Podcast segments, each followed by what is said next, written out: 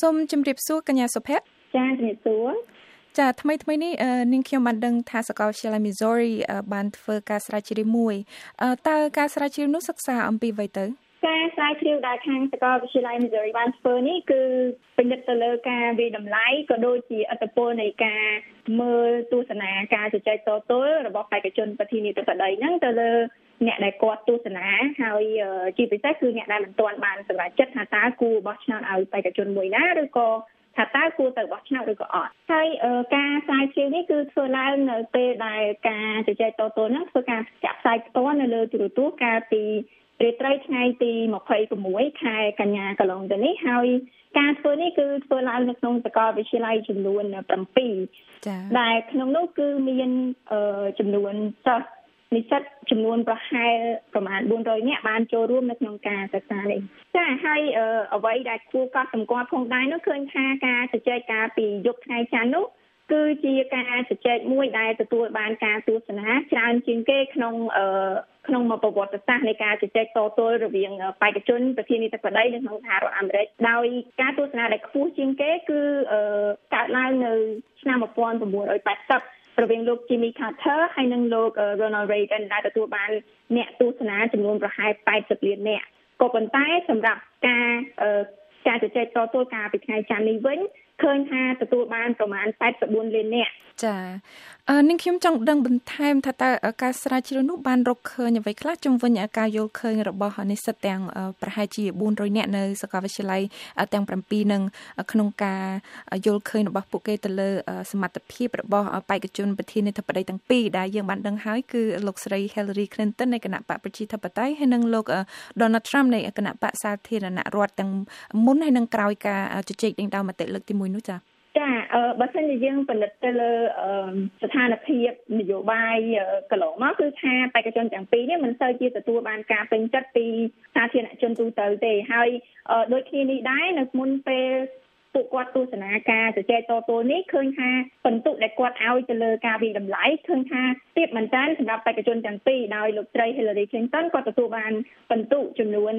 38ហើយលោក Donald Trump ទទួលបានត្រឹមតែ28ទេក៏ប៉ុន្តែបន្ទាប់ពីពួកគាត់បានទស្សនាការជជែកតទល់នេះហើយហើយគាត់បំពេញកម្រងសំណួរបញ្ជាក់ពីការវិតម្លៃនឹងម្ដងទៀតឃើញថា ការគ្រប់គ្រងរបស់លោកស្រី Hillary Clinton ឃើញថាកើនឡើងចំនួន10ពិន្ទុពី38ទៅដល់48ក៏ប៉ុន្តែសម្រាប់លោក Trump វិញគឺឃើញថាមានការធ្លាក់ចុះ ចំណុចមួយដែលយើងគួរកត់សម្គាល់ផងនោះគឺថានៅមុនពេលទស្សនាការជជែកនេះគឺមានអ្នកដែលមិនទាន់បានសម្រេចចិត្តថាតើគួរបោះឆ្នោតគ្រប់គ្រងឲ្យបេក្ខជនមួយណានោះមានចំនួន29%ក្នុងចំណោមអឺសិស្សទាំងអស់ប្រមាណជាងជិត400នាក់នេះក៏ប៉ុន្តែនៅពេលដែលគាត់បានទស្សនាការជជែកនេះហើយយើងឃើញថាអ្នកដែលមិនទាន់សម្រាប់ចិត្តបោះឆ្នោតនោះ គឺបានធ្លាក់ចុះពី29មកត្រឹមមកត្រឹមតែ19%អញ្ចឹងយើងអាចបញ្ជាក់ថាលោកស្រី Hillary Clinton នឹងគាត់បានតាក់ទាញអ្នកគ្រប់គ្រងពីខាងលោក Trump ហើយថែមទាំងអាច តាក់ទាញអ្នកដែលគាត់មិនទាន់បានសម្រេចចិត្តបោះឆ្នោតនោះឲ្យគ្រប់គ្រងទៅលោកស្រីថែមទៀតផងចា៎បន្ថែមលើនេះនាងខ្ញុំចង់ដឹងថាតើការរកឃើញនៃការស្រាវជ្រាវ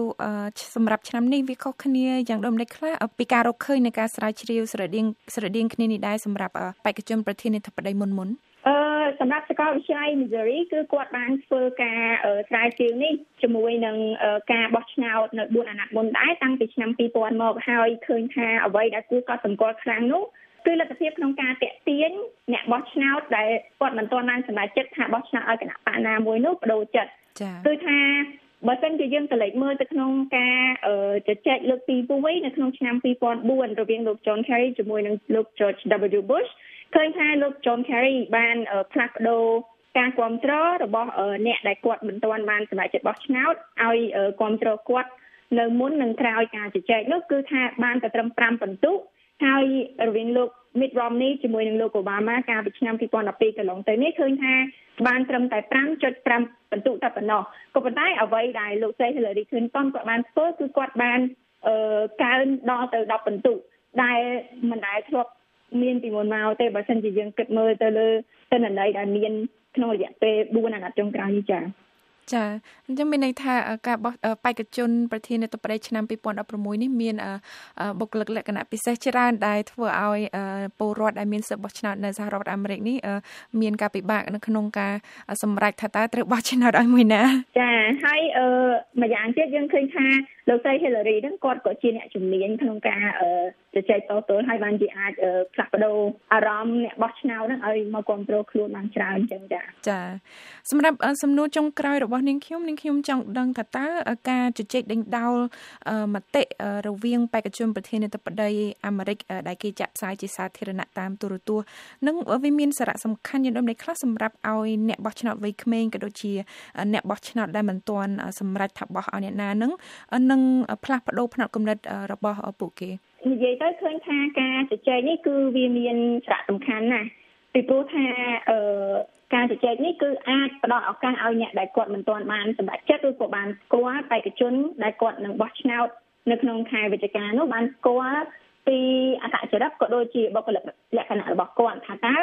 បុគ្គលមួយណាទៅគួរសាក់គួរអឺស័ក្តិសមខ្លាយជាប្រធានាធិបតីនៃសហរដ្ឋអាមេរិកមួយវិញទៀតវាក៏ជាឱកាសមួយដែលបេក្ខជនទាំងពីរហ្នឹងគាត់អាចនិយាយអំពីគោលនយោបាយដែលគាត់គ្រងនឹងធ្វើប្រសិនបើគាត់បានឈ្នះឆ្នោត ហើយអឺការជជែកនេះទៀតសោតគឺវាកាន់តែសំខាន់នៅពេលដែលការបោះឆ្នោតក៏ដូចជាការប៉ាន់ស្មានលទ្ធផលរបស់ឆ្នោតមានភាពប្រតិប្រតិគ្នាដោយអ្វីដែលយើងឃើញនៅក្នុងឆ្នាំនេះហើយមួយវិញទៀតវាក៏មានសារៈសំខាន់ផងដែរនៅពេលដែលបេក្ខជនណាមួយក្នុងចំណោមគណៈបកទាំងពីរហ្នឹងមិនទៅមានគេស្គាល់ច្រើនដូចកាលពីឆ្នាំ1960គឺរវាងលោក John F Kennedy ជាមួយនឹងលោក Nixon ដែលលោក John F Kennedy ហ្នឹងគឺគាត់ អត់ទៅមានគេស្គាល់ច្រើនទេក៏ប៉ុន្តែដោយសារតែការជជែកនេះបន្ទាប់ពីការជជែកលើកទី1ហើយភ្លាមគឺគាត់ខ្លាយទៅជា បេក្ខជនដែលមានប្រជាប្រិយភាពខ្លាំងមែនទែនក្នុងចំណោមបេក្ខជនទាំងពីរហ្នឹងចាចាចាសូមអរគុណច្រើនមែនទែនកញ្ញាហ៊ឿនសុភ័ក្រនិស្សិតផ្នែកតំណែងតំណងនៃសាកលវិទ្យាល័យ Missouri នៅសហរដ្ឋអាមេរិកដែលបានចែករំលែកលទ្ធផលនៃការស្រាវជ្រាវមួយស្ដីអំពីការយល់ឃើញរបស់និស្សិតអាមេរិកនៅសាកលវិទ្យាល័យនានាជំវិញការគ្រប់គ្រងរបស់ពួកគេទៅលើបេក្ខជនប្រធានាធិបតីអាមេរិកឆ្នាំ2016មុននិងក្រោយការជជែកដេញដោលមតិរបស់បេក្ខជនទាំងនោះ